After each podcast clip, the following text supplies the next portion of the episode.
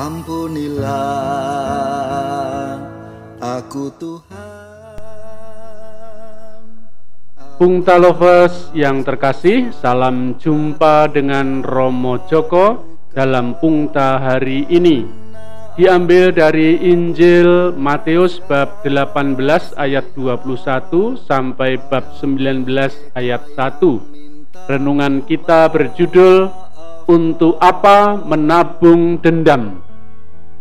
Nelson Mandela dijatuhi hukuman seumur hidup karena dituduh mengadakan sabotase dan rencana penggulingan pemerintahan di Afrika Selatan tahun 1962.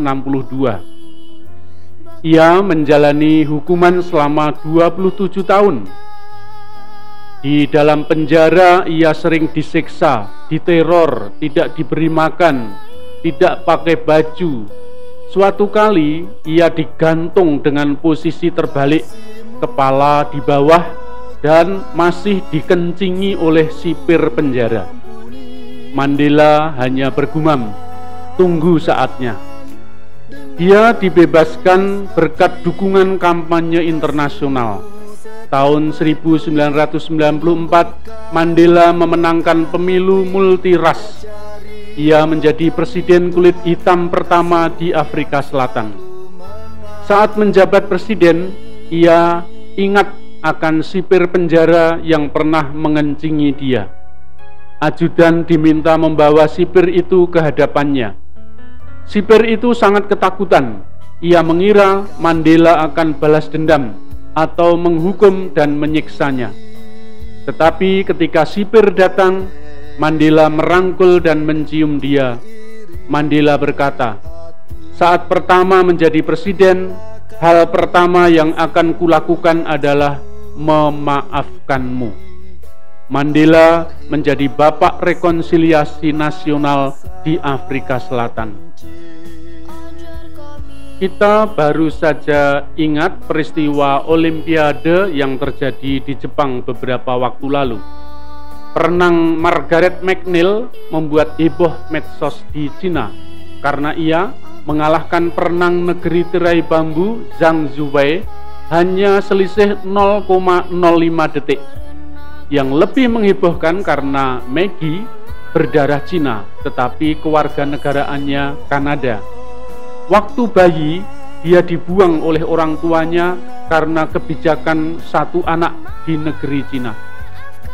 Dia diadopsi oleh pasangan keluarga Kanada, Edward McNeil dan Susan McNair. Suatu kali Maggie pergi ke Jijuang, Jiangxi, Cina, kota kelahirannya, untuk menjumpai orang tuanya yang asli. Dia merangkul mencium dan memaafkan kedua orang tuanya yang dulu membuangnya. Memaafkan tidak bisa menghapus masa lalu, tetapi bisa mengubah masa depan. Maggie menatap masa depannya dengan hati ringan tanpa beban. Pungta lovers yang terkasih, Yesus mengajarkan kepada Petrus tidak hanya sampai tujuh kali mengampuni, tetapi sampai 70 kali tujuh kali. Itu artinya pengampunan yang tak terhitung. Dasarnya apa? Dasarnya adalah Allah yang mengampuni tanpa batas.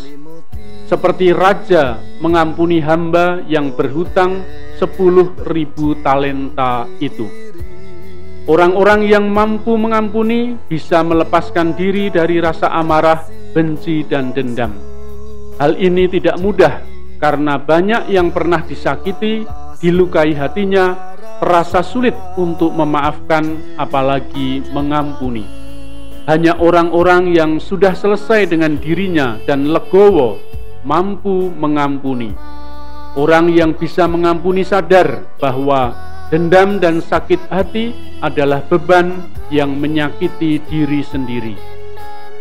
Mengampuni bisa menyembuhkan diri sendiri. Banyak penyakit disembuhkan karena daya pengampunan. Pengampunan juga perwujudan iman yang mendalam. Mengampuni sangat erat dengan religiusitas. Dengan mengampuni, orang mewujudkan imannya. semua kitab suci pasti mengajarkan tentang pengampunan. Kalau ada yang mengajarkan kebencian, balas dendam, membunuh, merusak, menghancurkan, pasti itu berlawanan dengan isi kitab sucinya. Dengan mengampuni, orang melaksanakan perintah Allah yang tertulis dalam kitab suci.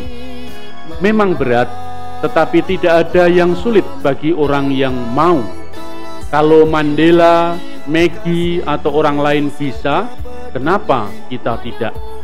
Mari kita melangkah satu langkah lagi untuk bisa mengampuni. Menghias bunga-bunga kertas menjadi karya yang mempesona.